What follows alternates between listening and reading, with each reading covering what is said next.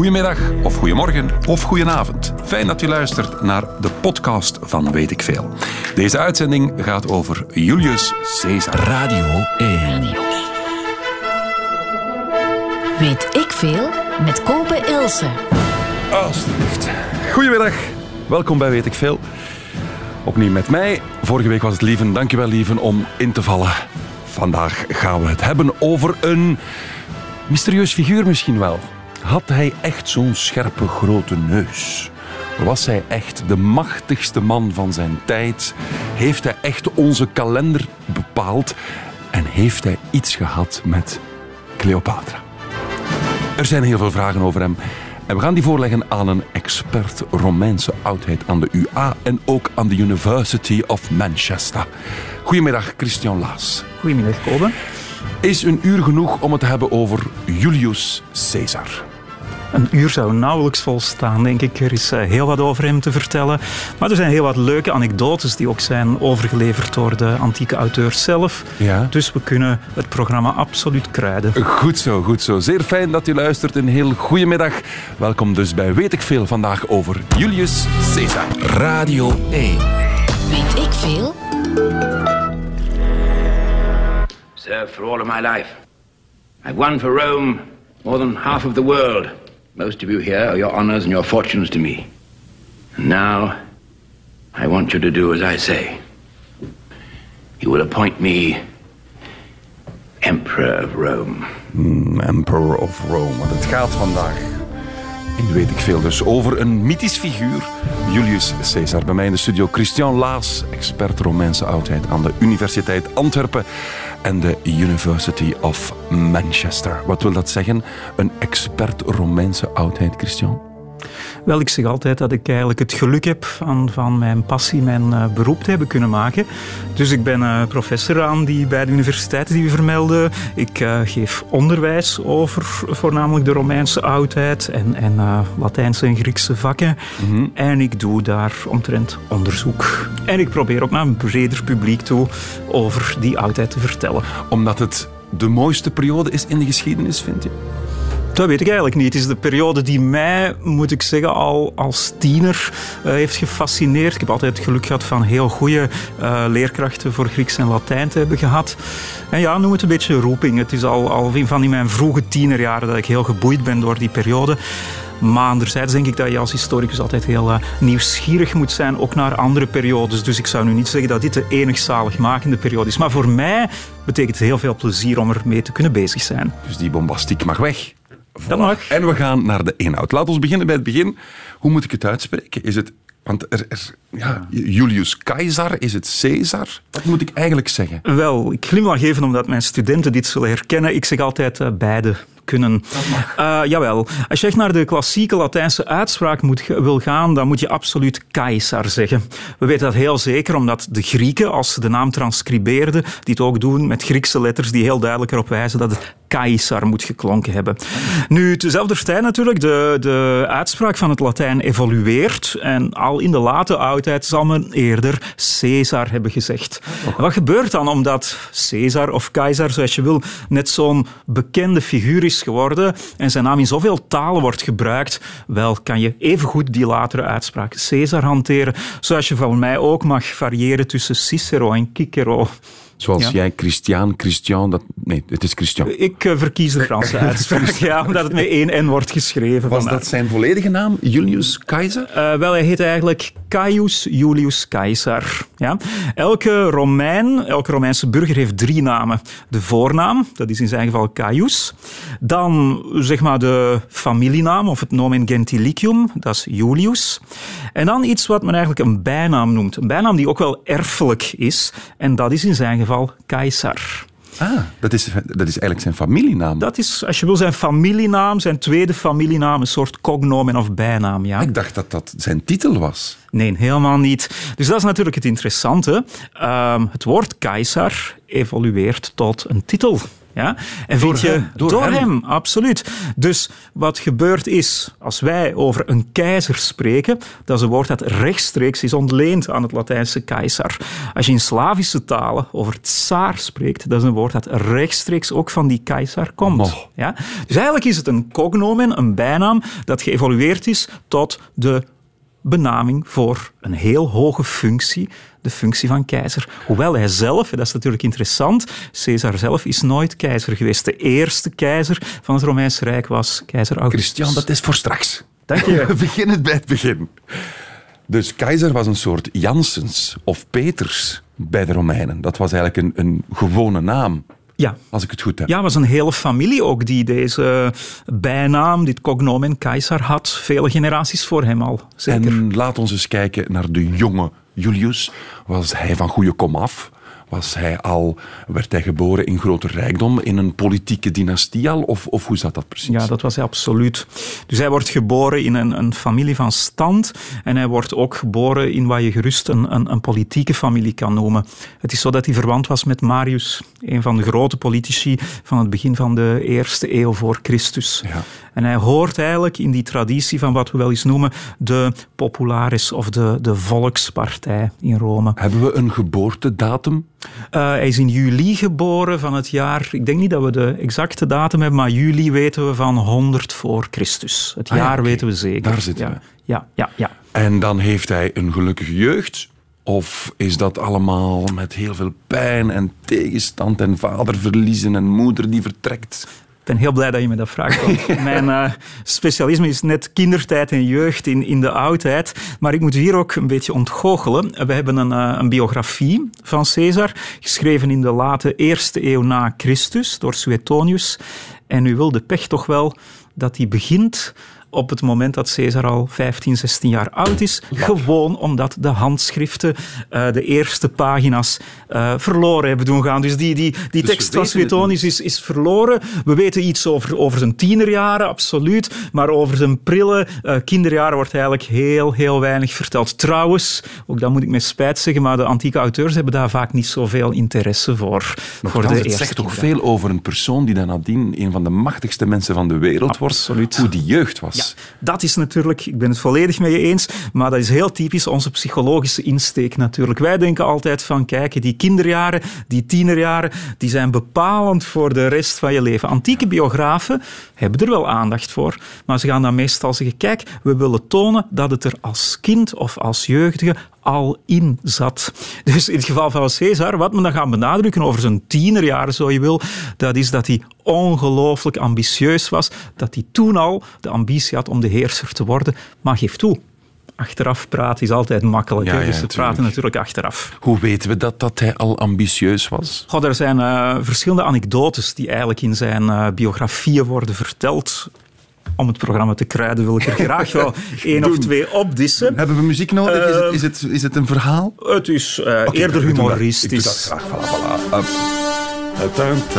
Oké, Christian. Wel, nu moet ik dan natuurlijk gaan over de anekdote van Caesar en de piraten. Wat was gebeurd in zijn eh, vroege twintiger jaren, eh, werd hij ontvoerd. Geknapt, zo je wil, door eh, piraten. Nu moet je niet voorstellen dat hij daar ergens in ketens beneden in een schip werd opgesloten. De omstandigheden waren vrij comfortabel, maar toch, die piraten eisen een hoog, een ontzettend hoog losgeld voor hem. Ze eisen 50 talenten, wat echt enorm, enorm veel is. En wat vertelt men nu? Caesar lacht hen uit. De jonge Caesar, die eigenlijk op studiereis ging naar Rhodos hè, en zo wordt ge, eh, gekidnapt, lacht hen uit en zegt, weet je wel wie ik ben? 50 talenten, dat is veel te weinig. En dan zou hij ook tijdens de periode van zijn ontvoering gezegd hebben van weet je, als dat geld bijeen is gehaald en je laat mij vrij, dan zal ik ervoor zorgen dat jullie terechtgesteld zullen worden hiervoor. En wat gebeurt? De piraten krijgen hun ontzettend bedrag. Ze laten Caesar vrij. En inderdaad, hij zal hen nadien gaan opjagen. Hij zal hen laten arresteren. En hij zal hen laten kruisigen, wat de vreselijkste dood is natuurlijk die je kan ondergaan. Zegt de biograaf erbij, hij heeft hen wel eerst laten wurgen voor ze gekruisigd werden. Dat was dan zijn toegift, omdat hij wel tijdens de ontvoering goed behandeld was. Dat is natuurlijk een typische anekdote waaruit die enorme ambitie en ook wel die vreedheid, die, uh, die harteloosheid van uh, Caesar heel duidelijk naar voren komt. Is, zou het een fijne man geweest zijn? Dat denk ik niet direct. dat denk ik niet direct. Nee, hij is zo'n klein voorgevoel dat het niet zo... Nee hoor, dus hij, uh, hij gaat voor, voor, voor zijn tomeloze, zijn eigen tomeloze ambitie. En natuurlijk christelijke waarden zoals als naaste liefde en genade en zo, dat ga je, niet, dat ga je zeker niet bij hem vinden. Maar enfin, Brutus, ga ook al. Allee, kom, al die een dolle aan de rug. Zie heb ik daar voor die Rubicon overgestoken. Oh! Jupiter en Saturnus. Los het allemaal met een zak op. Meng de sandalendragers. De dood van Julius Caesar. Daar gaat het vandaag over in. Weet ik veel. Niet over de dood, maar over de man toekoer. Studiogast Christian Laas, expert Romeinse oudheid aan de Universiteit Antwerpen en de University of Manchester. Wat hebben we al geleerd? Dat het ja, niet echt een vrolijk man was, want als jonge gast is hij al gekidnapt door piraten en heeft hij nadien die mannen laten ombrengen, eerst gewurgd en dan pas gekruisigd. En dat vond hij eigenlijk al een voorrecht. Absoluut, ja. Dan ben je niet echt een aangenaam figuur. Was hij een vreed leider? Dat was hij zeker en vast. Ja? Daar mag je van uitgaan. Hoeveel kunnen we daar een, een getal op kleven? Hoeveel doden aan zijn... Ja, um, historici hebben dat geprobeerd. En ze hebben dat eigenlijk vooral geprobeerd uh, in de context van de Gallische oorlog. Hè? Ja. Oorlog van 58 tot 51 voor Christus, uh, waarin hij eigenlijk onze gebieden grosso modo, het grootste deel van Frankrijk, dan het huidige België, een beetje Nederland, een beetje Duitsland heeft veroverd. Uh, de schattingen lopen uiteen, maar uh, historici zullen zeggen tussen de 400 en de 700.000 doden alleen wow. voor die oorlog. Als je weet dat in die gebieden, ook die schattingen zijn moeilijk, maar dat in die gebieden ongeveer 4 tot 5 miljoen mensen leefden, dan kan je zien wat 400.000 minimum, 400.000 uh, doden uh, betekenen. En dan hebben we het nog niet gehad over de misschien wel miljoen mensen die het wel overleefden, maar die afgevoerd werden in uh, slavernij. Ja. Ja? Mary Beard, uh, collega van de Universiteit van Cambridge, heeft onlangs voor een televisieprogramma gezegd dat, uh, dat je Caesar kan beschouwen als een uh, oorlogsmisdadiger. En de antieke auteurs, wat volgens zegt ze van ja, eigenlijk had hij voor een tribunaal moeten gekomen zijn waar dan de Galliërs de rechters hadden moeten zijn. Oké. Okay. En wat voor hem geldt, geldt natuurlijk voor heel veel veldheren uit het uh, verleden. Uh, zaken als oorlogsmisdaden of mensenrechten, die zijn hen volledig onbekend. Maar Genève was er toen nog niet, hè? Natuurlijk Verdrag. niet. Dus dat zijn, dus, ja. zijn dingen die eigenlijk in de tweede helft van de 19e eeuw en in de 20e eeuw als concepten opkomen. En um, ja, dat was hen volledig onbekend. Mm -hmm. Maar tezelfde tijd denk ik dat we altijd oog moeten hebben voor die, uh, voor die realiteit die er was. Was hij een senaatspoliticus of een, of een militair politicus? Was hij zelf, stond hij zelf mee in de, in de frontlinie? Vechtte hij mee? Mm -hmm. Of was hij meer een, een babbelaar? Nee, nee, zeker en vast. Dus hij was een man van de In de Gallische oorlog, waar ik het daarnet over had, is hij dus echt heel vaak bij zijn soldaten geweest. Hè. Okay. Hij was ook bekend voor zijn militaire uh, kwaliteiten, voor de manier waarop hij met zijn uh, soldaten omging. En later ook in de burgeroorlog hè, heeft hij zijn uh, grote tegenstander Pompeius achtervolgd, tot in Griekenland, slag bij Pharsalus, tot in Egypte nadien. Dus hij was echt, hij stond heel vaak op het veld, oorlogsveld, slagveld, ook in Spanje, ook in Afrika nadien. Hij was absoluut ja, een man van de militaire actie. Kunnen we de verovering van Gallië zijn grootste verwezenlijking noemen?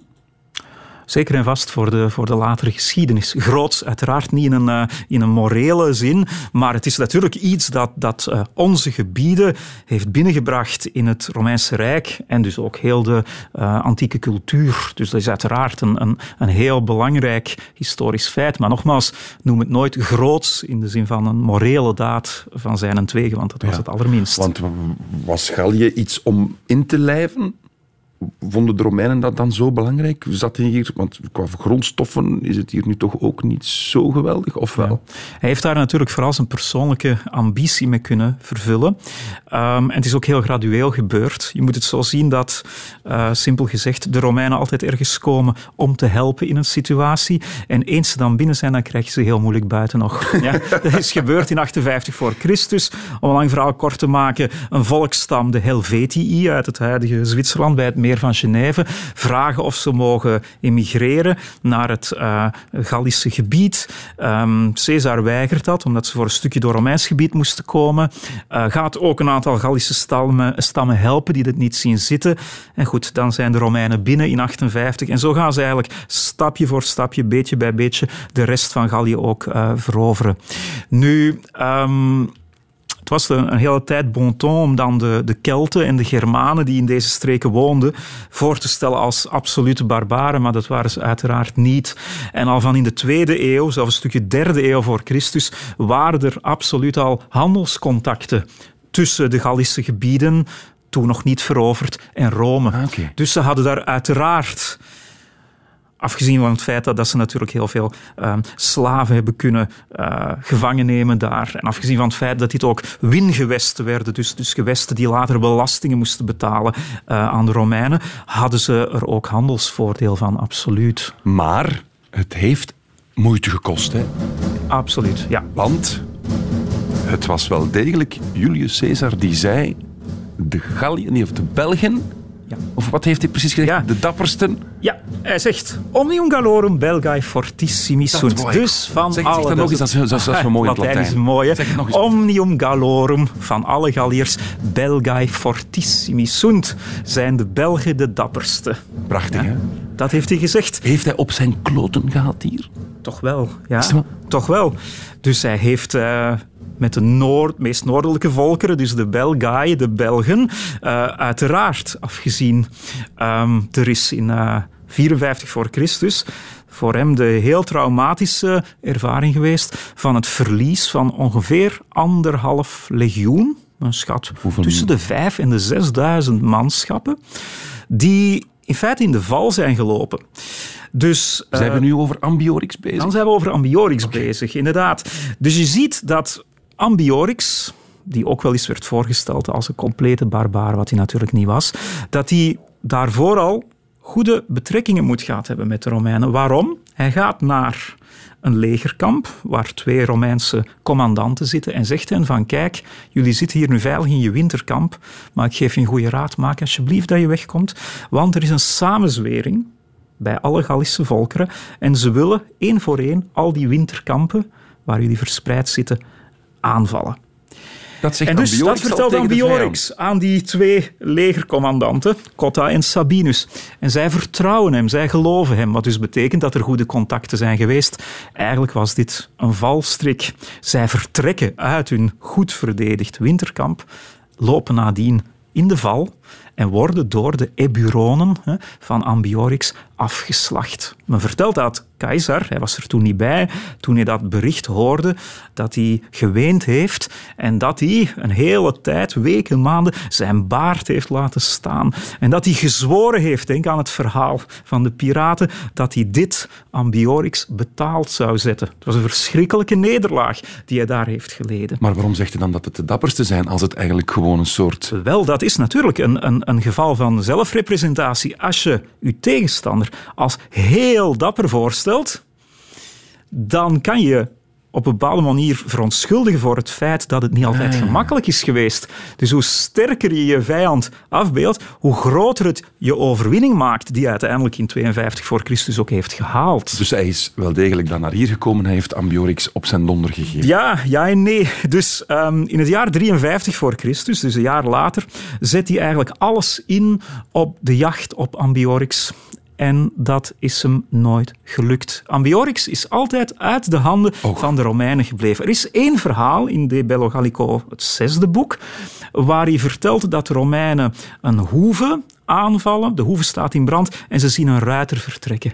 En dat ja, zou misschien Ambiorix kunnen geweest zijn. We weten het niet, maar in ieder geval, Ambiorix verdwijnt in de geschiedenis en hij heeft hem nooit kunnen arresteren. Tot voor een paar jaar, maar het grapje is al een beetje belegen. Zei ik altijd aan mijn studenten, misschien was Ambiorix de Osama Bin Laden van de Romeinen, met het verschil dat ze hem dan nooit hebben, nooit hebben kunnen uh, pakken. Onze leerlingen, en ook de Romeinse literatuur, heeft er wel iets aan te danken. Het hele zesde boek van De Bello Gallico, over het jaar 53 voor Christus, gaat voor een groot stuk over de cultuur, de zeden, de gewoonten van de Kelten en de Germanen.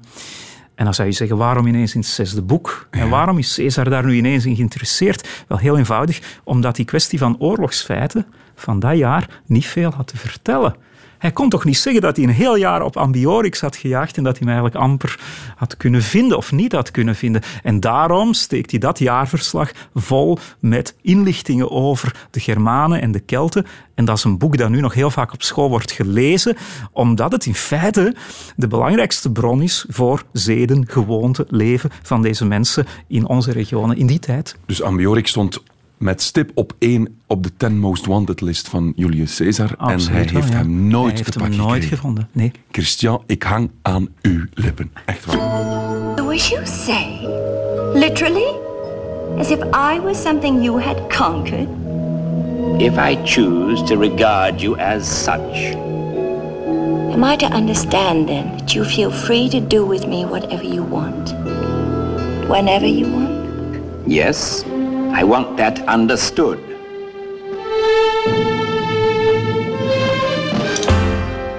Julius Caesar, dan moeten we het ook hebben.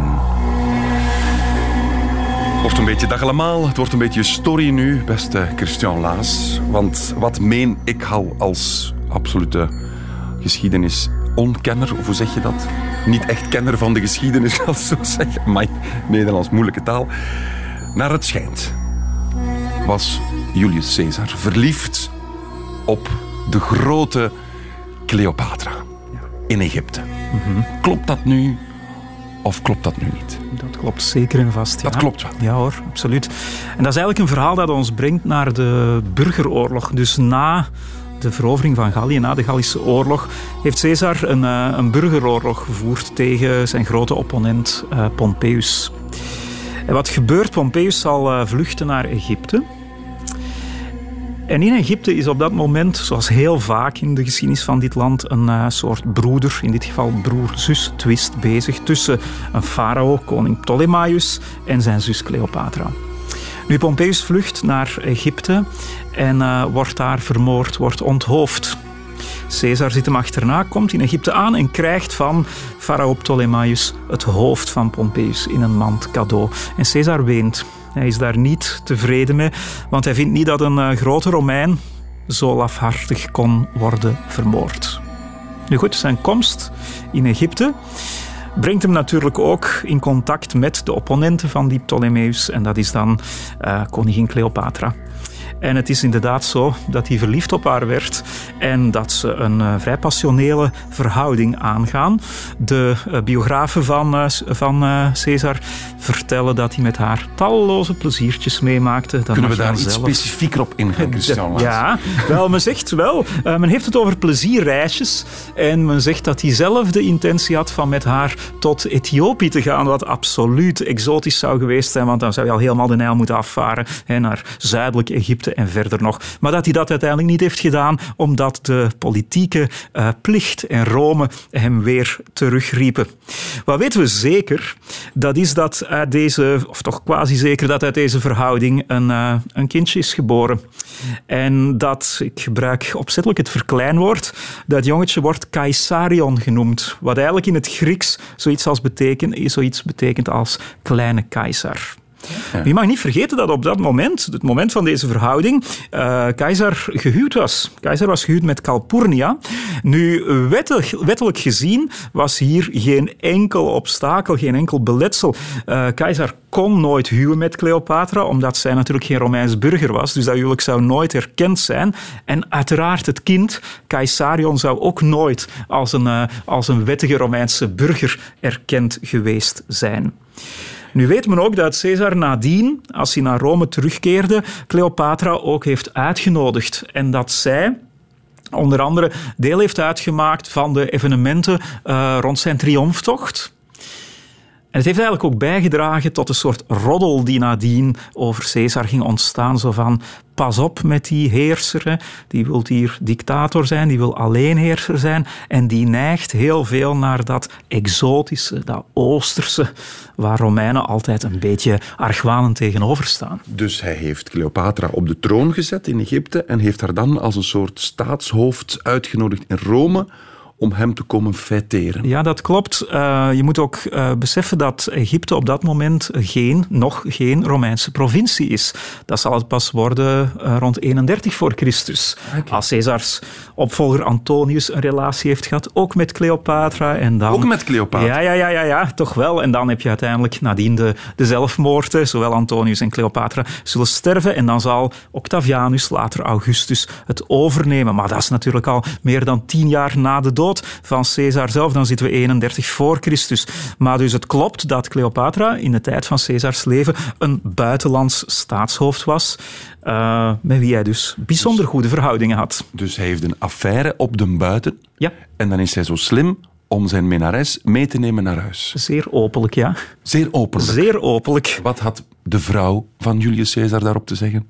Vrouwen zijn altijd heel stil natuurlijk in de antieke bronnen. Dat lezen we niet. Dat, dat lezen we niet. We weten wel, maar ik ben zeker dat er nog een verhaal wordt voor strakjes dat op het moment dat hij dus vermoord wordt, 15 maart 44 voor Christus, dat zijn vrouw nog bij hem is en zeker de nacht daarvoor ook met hem heeft doorgebracht. Dus ze zijn nooit uit elkaar gegaan.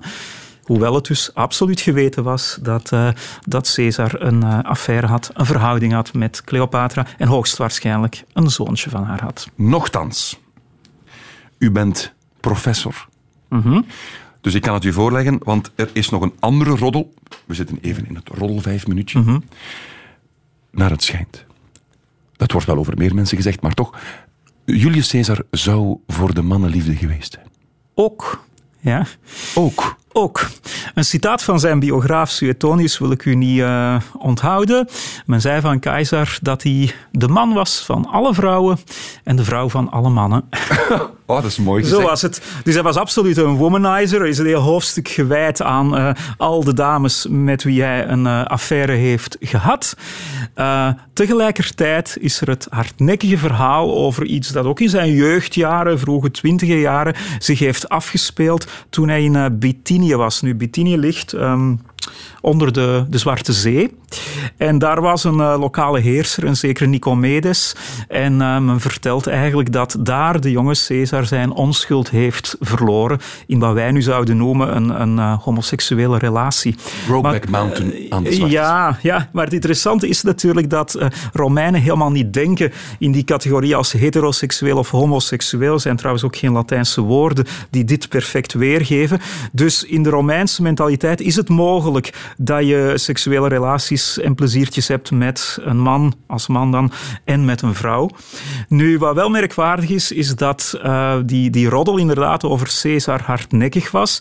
Ook werd verbonden met een aantal, wat zij dan noemen, vrouwelijke eigenschappen of ijdele trekjes die hij wel had. Maar dat men heel erg zegt van het gaat altijd terug op die, uh, op die vroege jeugdjaren. Maar het bleef als roddel bestaan en ook daar vond ik een heel mooie anekdote over uh, zijn triomftocht die hij hield na de verovering van Gallië. Het is een beetje een uh, wat ja, ranzige anekdote, maar ik denk wel dat we het hier kunnen vertellen. Dus de soldaten zouden een liedje hebben gezongen waar ze zeggen in de triomftocht uh, Caesar heeft Gallië doen buigen en alleen Nicomedes kon Caesar doen buigen. Ja, ja. ja. Oké, okay, dus uh, dat hoort natuurlijk bij die iets wat vulgaire soldatenhumor. En dan zie je dus dat uh, die humor nog steeds bestond en die roddels over Caesar wel de ronde deden. Nou, nou, nou. Ah.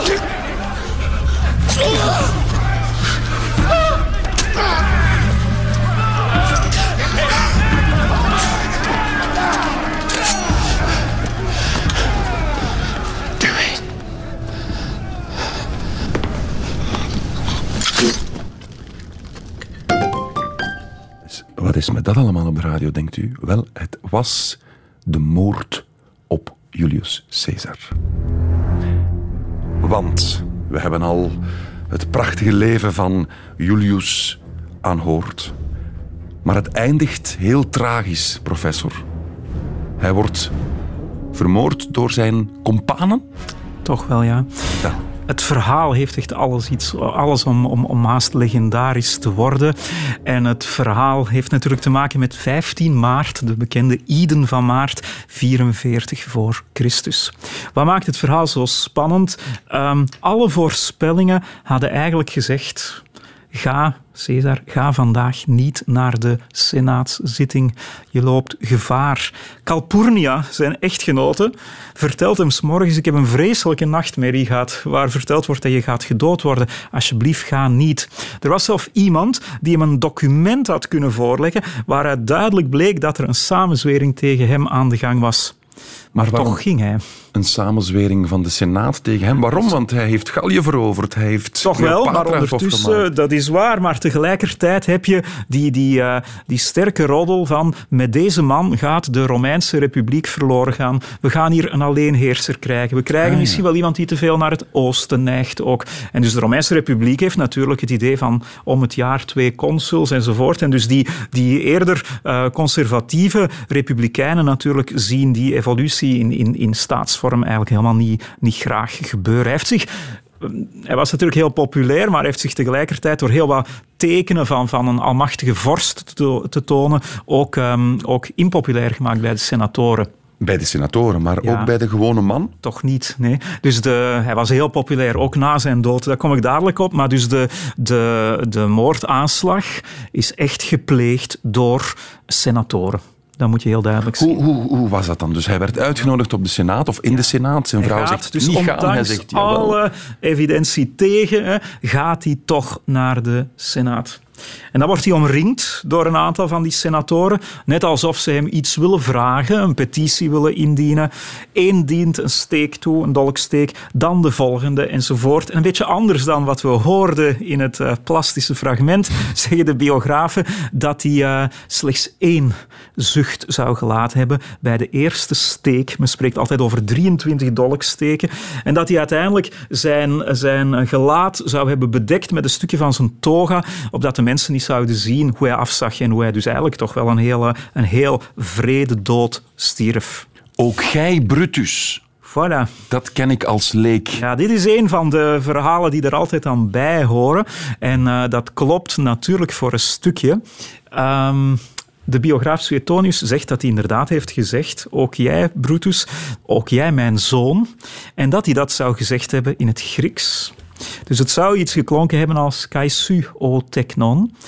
En het verwijst uiteraard naar Brutus. En ook dit is weer heel interessant. Brutus was, volgens bepaalde verhalen en geruchten, een onecht kind van hem bij een van zijn vele minaressen bij Servilia. Dus het is mogelijk dat hij gezegd heeft, ook jij mijn zoon, in de betekenis zo van dat je iemand zoon zou noemen zonder dat je het letterlijk beteken- bedoelt. Ja. Maar het zou ook gekund hebben dat hij hier echt Het erop bloed. wijst van dit is mijn biologisch bloed en je bent echt mijn zoon en je hebt deelgenomen aan deze samenzwering. Nu, wat is ook nog zo merkwaardig aan dit verhaal? Als je naar Rome gaat, dan zou je dit verhaal heel beeldend verteld kunnen zien en horen door gidsen die daarbij dan soms hun verhaal doen aan het Senaatsgebouw op het Forum Romanum. Maar alle teksten zeggen heel duidelijk dat het daar niet gebeurd is. Op dat moment was het Senaatsgebouw eh, in herstelling. En men heeft vergaderd toen in de porticus, of de vergaderzaal als je wil, bij het theater van Pompeius. Als je Rome een beetje kent, als je de grote corso neemt van de Tiber richting centrum stad, daar heb je de Largo Argentino en daar, we weten de plek waar het was, daar is eh, Caesar op 15 maart 44 voor Christus vermoord, dus niet in het Senaatsgebouw zelf. En wat merkwaardig is, dat is dat tot op de dag van vandaag elk jaar op 15 maart een aantal Italianen met bloemen op die plaats eer betuigen Echt? aan de vermoorde dictator. Wat op zich een uitzending zou kunnen zijn, of een thema voor een uitzending zou kunnen zijn, dat eh, bepaalde strekkingen een, eh, een grote fascinatie nog hebben voor die figuur van Caesar. En moeten we die dan in het linkse politiek gedacht doen, Eh, of wel, eerder in het rechtse eh, politiek? Toch wel eerder rechts. Ah, ja. Dus het is geweten dat iemand als Mussolini een enorme bewonderaar was natuurlijk van die Romeinse oudheid en een enorme bewonderaar was ook van een figuur als, als Caesar. Christian, ik zit met een ongelooflijk dilemma. Zeg Er maar. is nog veel te vertellen en ik zou een plaat moeten draaien, maar we gaan dat niet meer doen. We gaan gewoon voortbabbelen, want je bent te goed bezig. Ah, dankjewel. Ja, Want een zeker druk, maar we zullen ons best. Nee, want er zijn... eh, ik lees nog 23 dolksteken. Ja hoor. Dat is uiteindelijk het, het delict... Nee, hoe moet je dat zeggen? Dat is de, de doodsoorzaak. Ja hoor. 23. Ja, 23. Was dat de integrale senaat die tegen hem eh, inging? Of waren dat maar een paar, een handvol senatoren? Dat zijn letterlijk een handvol. Ah, Want er zijn natuurlijk, er kunnen op een zitting honderden senatoren aanwezig zijn. Ja, dus echt een handvol samenzweerders. Zijn de daders nadien gepakt? Zijn die, is daar iets mee gebeurd? Daders daar- zijn gevlucht en zijn nadien inderdaad, dus in de burgeroorlog, hè, zijn inderdaad eh, verslagen en zijn gedood ook. Dus een van hen, er was Cassius, er was ook Brutus, hè, de Brutus natuurlijk. En het interessante is dat eh keizers erfgenamen er eigenlijk heel goed in geslaagd zijn van onmiddellijk na zijn dood zijn grote populariteit te gebruiken. De Caesar-moordenaars hadden gehoopt natuurlijk van als een soort eh, bevrijders van het volk verwelkomd te worden, maar niets was minder waar. Dus de erfgenamen van Caesar hebben dadelijk het initiatief genomen, hebben er ook voor gezorgd dat hij op een prachtige manier eh, met veel schenkingen aan het volk ook ehm, gecremeerd is. En ehm, ja, wat je dan ziet gebeuren, is dat de moordenaars onmiddellijk moeten vluchten. Dus ze hebben die man dan vermoord en hebben er eigenlijk geen voordeel uit Ze hebben er geen voordeel uit gehaald, absoluut niet. En iemand als Octavianus, de latere keizer Augustus, zal er zelf in slagen van hen te doen uitroepen tot publieke vijanden van de staat Rome. Dus ze hebben een geweldige gok eh, gedaan, gewaagd, en, en ze zijn niet geslaagd in hun opzet. Er zijn nog een paar interessante dingen te vertellen daarover. Bijvoorbeeld, Julius Caesar is verantwoordelijk voor onze kalender. Hoe wij nu onze tijd organiseren is dankzij hem. Eh, ongeveer, ja. Ongeveer. Er is eh, nadien nog eh, in de 16e eeuw nog een hervorming geweest, een kleine bijstelling als je wil. Vandaar dat we nu van de Gregoriaanse kalender spreken. Maar de Juliaanse kalender is inderdaad de eerste kalender die echt met twaalf maanden gaat werken, met de lengte van de maanden zoals wij ze nu nog steeds kennen, met het fenomeen ook van februari als schrikkelmaand. Dus hij was inderdaad, als dictator heeft hij grootse hervormingen opgezet en dit is een van de hervormingen die ja, tot heden ten dagen heel belangrijk is. De Juliaanse kalender, naar Dus hem genoemd. De schrikkeldag hebben we dankzij Julius Dat mag je zeker zo stellen, ja. Hij heeft ook gezegd, iets dat we allemaal kennen, Veni Vidi Vici, ook van hem. Ook van hem. Volgens zijn biograaf Suetonius alweer een, een soort eh, bordje, plaketje dat zou gedragen zijn op zijn of tijdens zijn triomftocht. En het betekent natuurlijk heel kort en heel gebald en heel zelfzeker. Ik kwam, veni, vidi, ik zag en dan vici of vici als je het Italiaanser wil uitspreken, ik overwon. Alia jacta est. De teerling is geworpen, ook van hem. Dat is ook een heel mooie, dat klopt. En daar heeft hij waarschijnlijk een vertaling gemaakt van een, eh, een Grieks citaat. En het is iets dat vaak eh, misbegrepen wordt. Het is op het moment dat hij de Rubico, klein riviertje bij Ravenna, oversteekt en de beslissing maakt van de burgeroorlog aan te gaan. En eigenlijk betekent alia jacta est, de teerling is geworpen, in de zin van, goed, men heeft hem gesmeten en het is nog te bezien wat het resultaat zal zijn. Dit heeft hij eigenlijk gezegd Ah. op een moment van, ik neem hier een geweldig risico, wat uiteindelijk voor hem is goed, eh, goed is afgelopen. Maar op dat moment was het aangaan van die burgeroorlog na de Gallische oorlog een grote gok, als je wil. Dus hij heeft het bedoeld als zijnde, ik ken de uitkomst nog niet, terwijl tegenwoordig wordt het meer gebruikt Juist. als we kennen de uitkomst, de teerling is geworpen. Precies. Nu gaat men vaak zeggen, ik heb de beslissing genomen, de teerling is geworpen.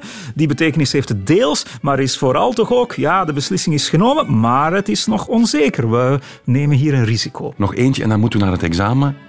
Mijn Latijn is niet meer wat het geweest is. Divide et impera? Ja, Klopt dat? divide et impera. Verdeel betekent, en heers. Ja, verdeel en heers. Dat is vooral eigenlijk de strategie die hij heeft toegepast bij de verovering van Gallië. Dus die eh, Keltische en Germaanse stammen die waren onderling enorm verdeeld. En wat doe je dan natuurlijk? Je zoekt de vriendschap van enkele om daarmee tegen anderen te strijden. En nadien kan je die allianties weer voor een stuk herzien enzovoort. Het is eigenlijk iets wat, wat eh, de Romeinse strategie tout court in buitenlandse politiek heel vaak ehm, karakteriseert. Zeer slimme man. En dan is het nu tijd voor het examen. Heb ik goed geluisterd naar Christian Laas? Laat maar komen, Christian. Ja, voor het mondeling examen dan. De zaakjes met mondeling examens zijn een beetje gevreesd soms bij de Oei, maar, het moet geen vooruit gaan nu, hè. Hoe doen we het? vooruit. Vraag per vraag en antwoord Ja. je direct. Hoeveel eisten de piraten die Keizer ontvoerde als losgeld? 50 talenten. Precies. Heel goed. Vraag 2. Vraag 2. Welke valstrik bedacht Ambiorix? hij is gaan zeggen tegen de Romeinen van... eh, er is een complot tegen jullie, dus vlucht maar al in jullie winterkamp. Is het ongeveer goed? Perfect. Dat is heel twee op goed twee. hoor. Goed Twee bezig. op twee al. Keizer of Caesar heeft minstens één keer gehuild. Wanneer was dat? Toen eh, hij hoorde dat ze verloren hadden van de Galliërs. Dus heel gerelateerd met die tweede vraag. Serieus, dat brengt u op drie op drie. We hebben jammer genoeg geen tijd meer. Maar op 3 op drie. 3 is goed, dan eindigen we op een een grootste 100%. onderscheiding geven. Christian? Laas, hartelijk bedankt voor dit prachtig uur, weet ik veel. Morgen gaat het weer over iets helemaal anders. Radio 1.